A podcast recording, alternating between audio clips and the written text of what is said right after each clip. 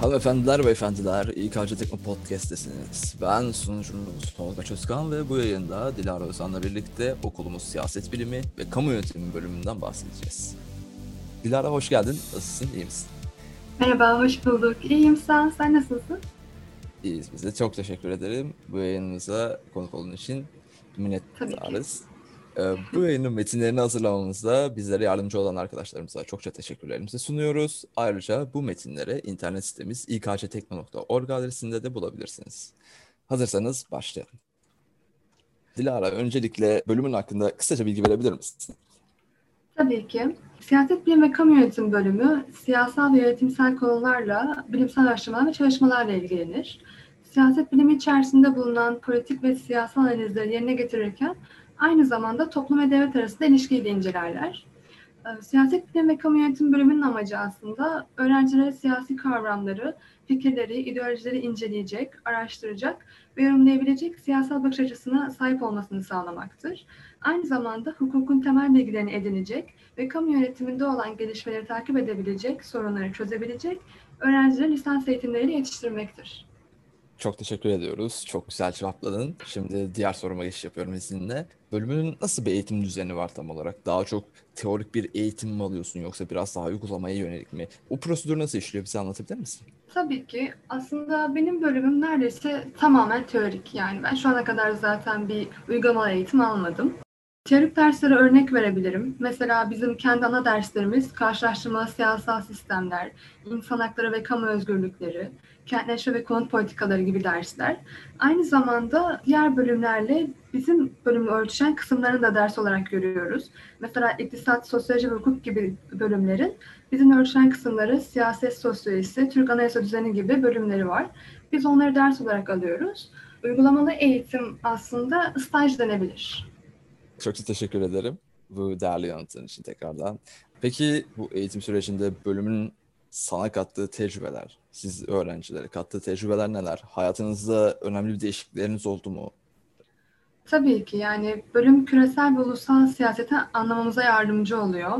Ee, belki daha önce bilmediğimiz bir durumun veya olgunun siyasi açıdan incelenmesini bize öğretiyor ve bununla birlikte hayatımıza değişiklikler de sağlıyor. Oo, çok teşekkür ederiz. Rica ederim. Peki bölümün eğitimi İngilizce veya farklı bir dilde mi? Eğer İngilizce ise Türkçe'ye kıyasla ne gibi farklılıklar var? Bizim bölümümüz %100 İngilizce. İngilizce olması açısından birçok avantajı var. Ulusal ve uluslararası alanda birçok bilgiye daha çabuk ve hızlı erişim sağlayabiliyoruz. Bildiğimiz üzere İngilizce akademik anlamda dünyanın eğitim dili zaten. İş bulma imkanı bakımından Türkçe eğitim diline sahip bölümlerden daha kolay ve bizim açımızdan çok daha iyi bir bölüm. Çok çok teşekkür ederiz. Ee, İngilizce eğitimi de bu şekilde çok güzel açıkladın. Peki bölümün iş imkanları nasıl, ne durumda şu anda? Bölümümüzün pek çok ve çeşitli alanda iş imkanı var. Mesela bu sektörlere örnek vermek gerekirse danışmanlık, müfettişlik, bankacılık, insan kaynakları gibi böyle birçok e, sektörü var. Aynı zamanda kamu kurumları ve uluslararası örgütlerde çalışabiliyoruz.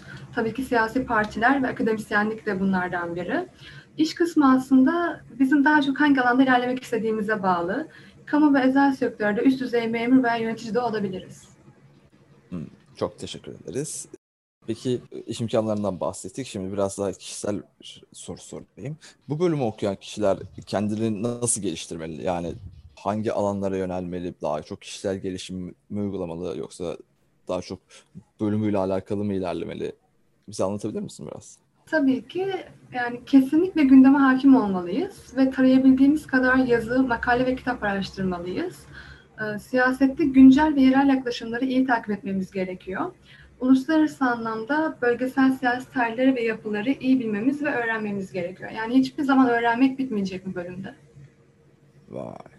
Sonuna kadar öğrenmek diyorsun yani. Evet, bitmiyor. Bunun için çok teşekkür ediyoruz. Şimdi son olarak bu bölümü okumak isteyen öğrencilere verebileceğin nasihatler, tavsiyeler nelerdir?